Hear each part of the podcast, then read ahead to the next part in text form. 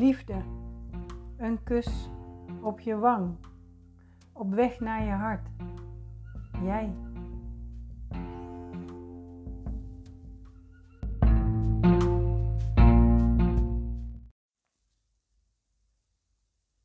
Waar stopte jouw zelfliefde? Op het moment dat je als kindje op aarde komt, dan is er liefde. Ehm, ik geloof echt dat wij allemaal uit de bron van liefde komen.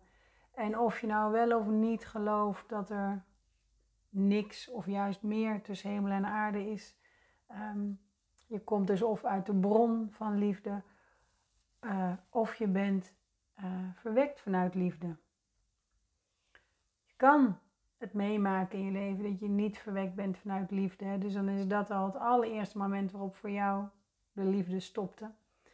Maar in de regel uh, zijn we verwekt vanuit liefde. Passie uh, valt daar op dat moment ook even onder. Dus we beginnen vanuit liefde. En gaandeweg je leventje maak je dingen mee, heb je allerlei ervaringen um, die te maken hebben, uh, hè, dus die, die haak staan op de liefde. Kan van alles zijn. Jij weet het voor jezelf, je weet hoe je bent opgegroeid, je weet in welk nest je bent terechtgekomen toen je geboren werd. En hoe meer ervaringen er haaks op de liefde staan, hoe moeilijker het wordt om die zelfliefde vast te houden. En er komt een moment waarop dus jouw zelfliefde stopte. En nou is de couveuse is een plek waar de zelfliefde al meteen kan stoppen. Ben je net geboren? Ben je er gewoon net? En raak je dan al de zelfliefde kwijt? En daar wil ik in deze podcast meer over vertellen. Je geboorte is een blauwdruk voor hoe jij in het leven staat. En als je geboorte maar een klein beetje traumatisch is geweest, dan heb je al een strategie ontwikkeld.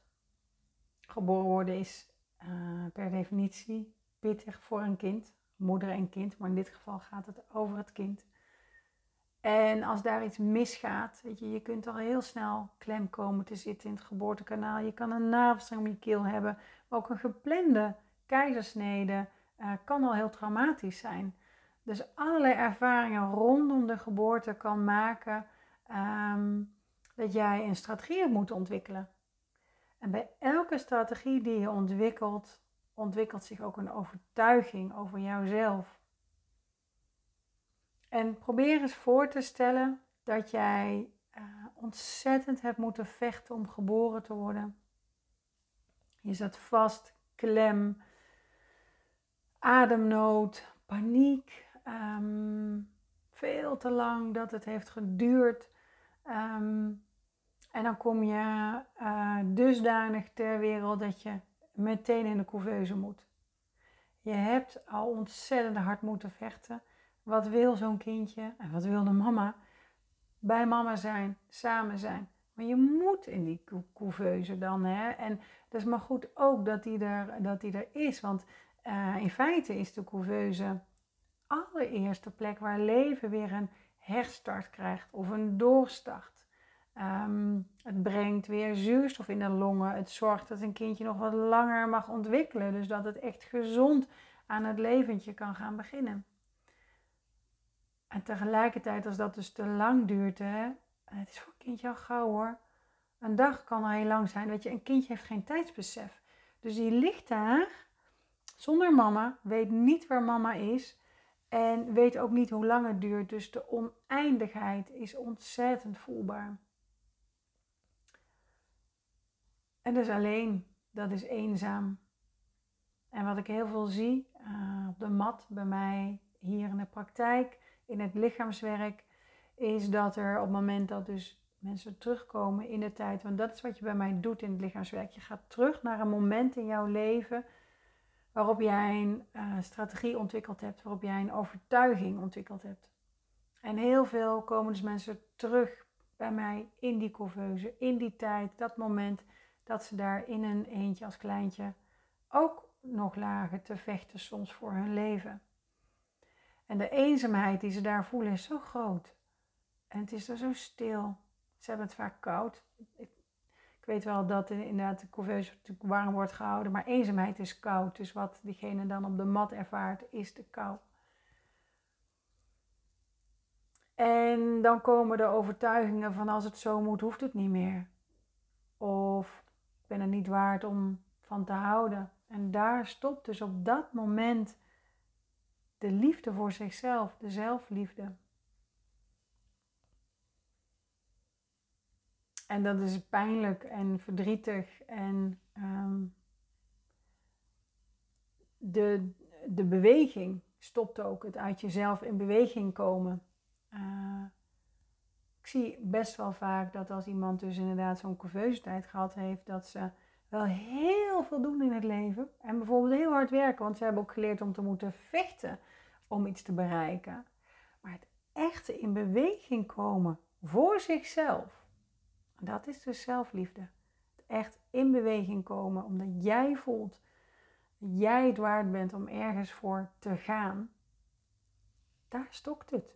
Voor een andere lopen ze vaak benen onder hun kont uit. Hè? En doen ze alles wat hun gevraagd wordt. Maar voor zichzelf. Die diepe beweging. Echt van binnenuit voor zichzelf. Die is gestopt daar.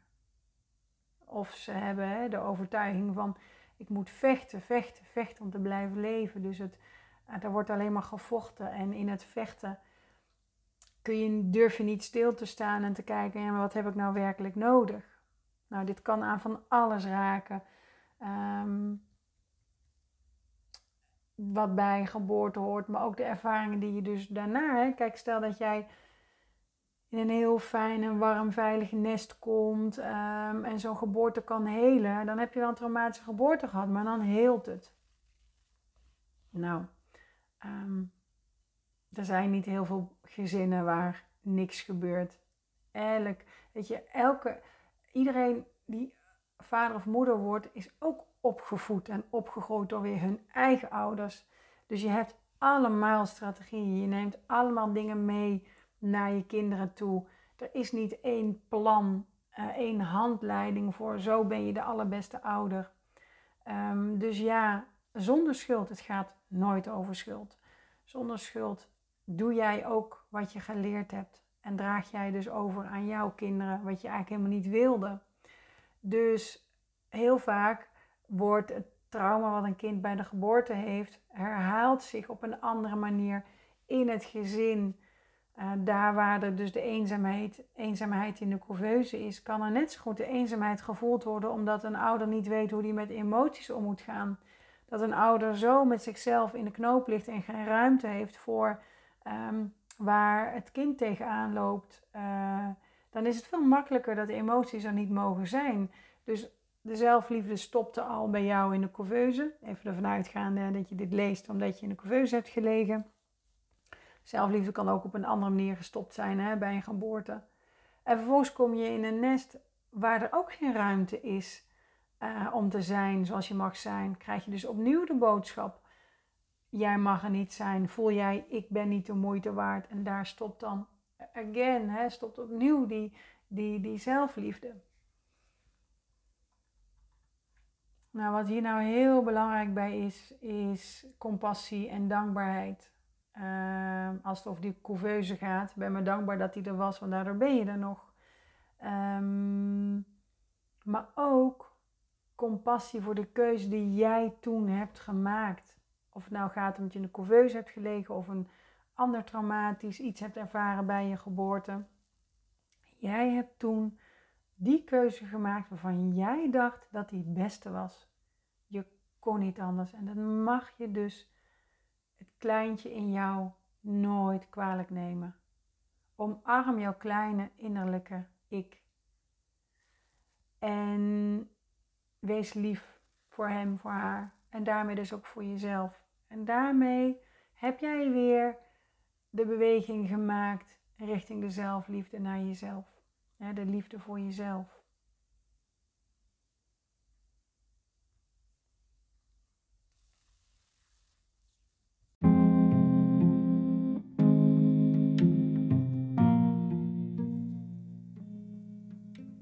Waar stopte jouw zelfliefde?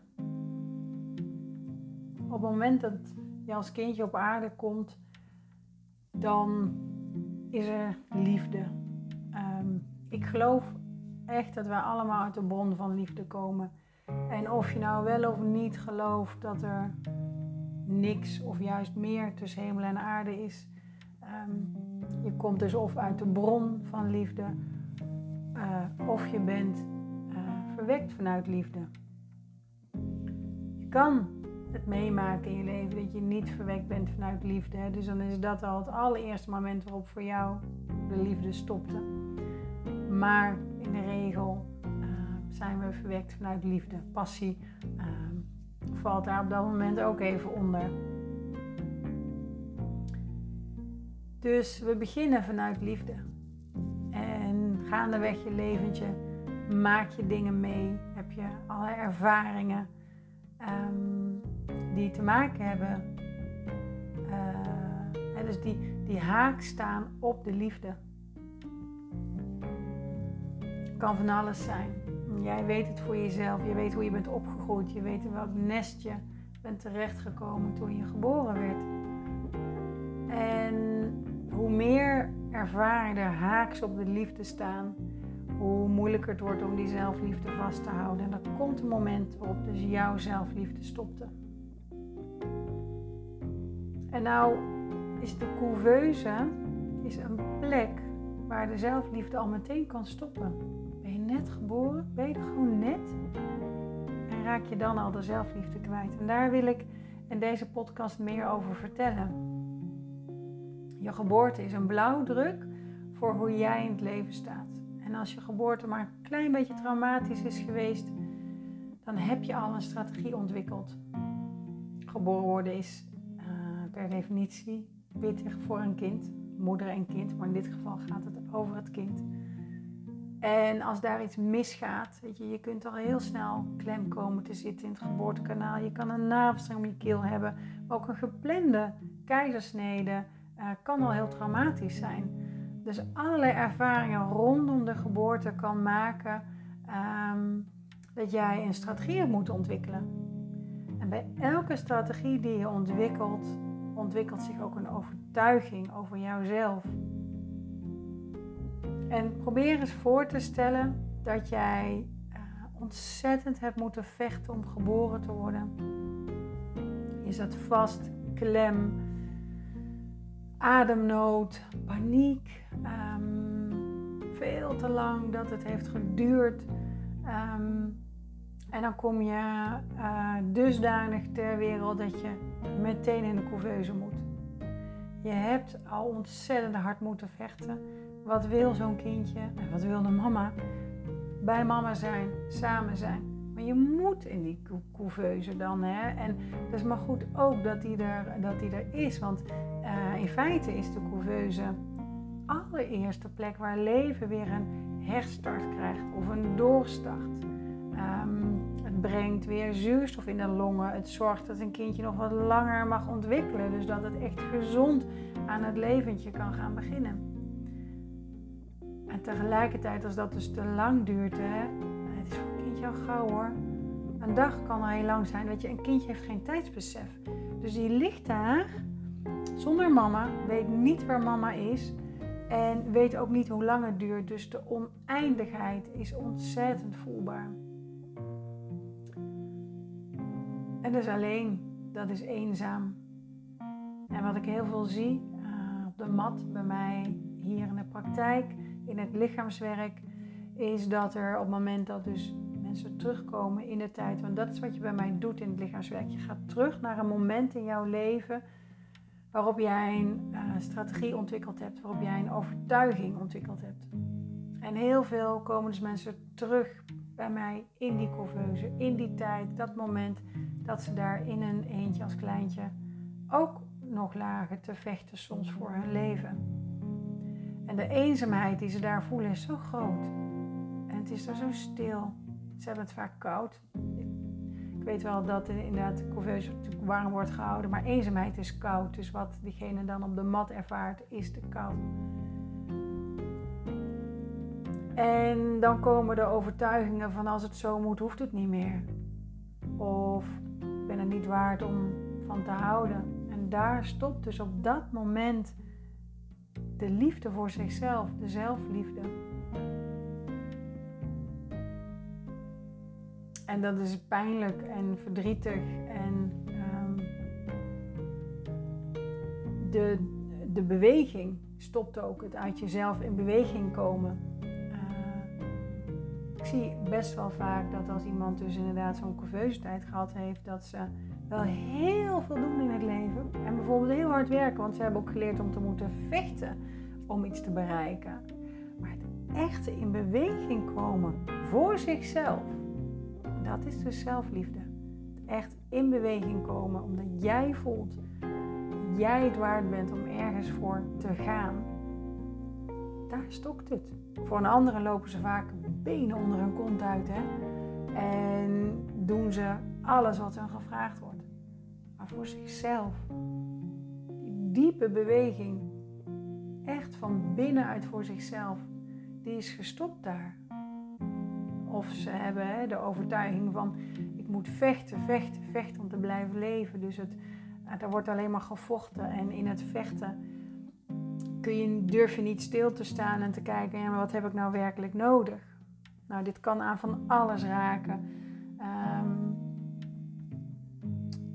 wat bij geboorte hoort, maar ook de ervaringen die je dus daarna. Kijk, stel dat jij in een heel fijn en warm, veilig nest komt um, en zo'n geboorte kan helen, dan heb je wel een traumatische geboorte gehad, maar dan heelt het.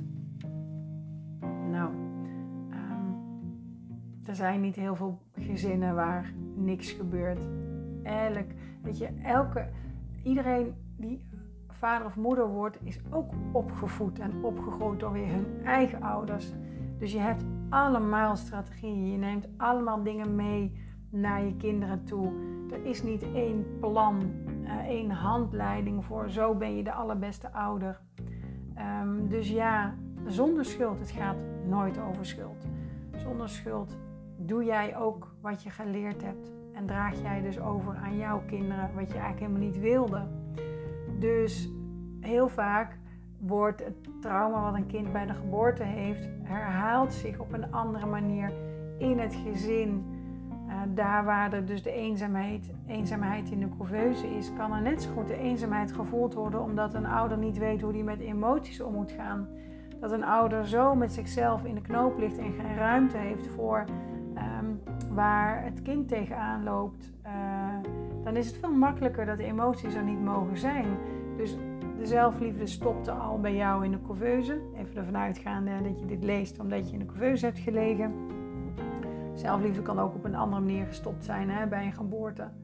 En vervolgens kom je in een nest waar er ook geen ruimte is uh, om te zijn zoals je mag zijn. Krijg je dus opnieuw de boodschap: jij mag er niet zijn. Voel jij, ik ben niet de moeite waard. En daar stopt dan, again, hè, stopt opnieuw die, die, die zelfliefde. Nou, wat hier nou heel belangrijk bij is, is compassie en dankbaarheid. Uh, als het over die couveuse gaat, ben me dankbaar dat hij er was, want daardoor ben je er nog. Um, maar ook compassie voor de keuze die jij toen hebt gemaakt. Nou gaat omdat je de couveuse hebt gelegen of een ander traumatisch iets hebt ervaren bij je geboorte. Jij hebt toen die keuze gemaakt waarvan jij dacht dat die het beste was. Je kon niet anders. En dan mag je dus het kleintje in jou nooit kwalijk nemen. Omarm jouw kleine innerlijke ik. En wees lief voor hem, voor haar. En daarmee dus ook voor jezelf. Daarmee heb jij weer de beweging gemaakt richting de zelfliefde naar jezelf. De liefde voor jezelf.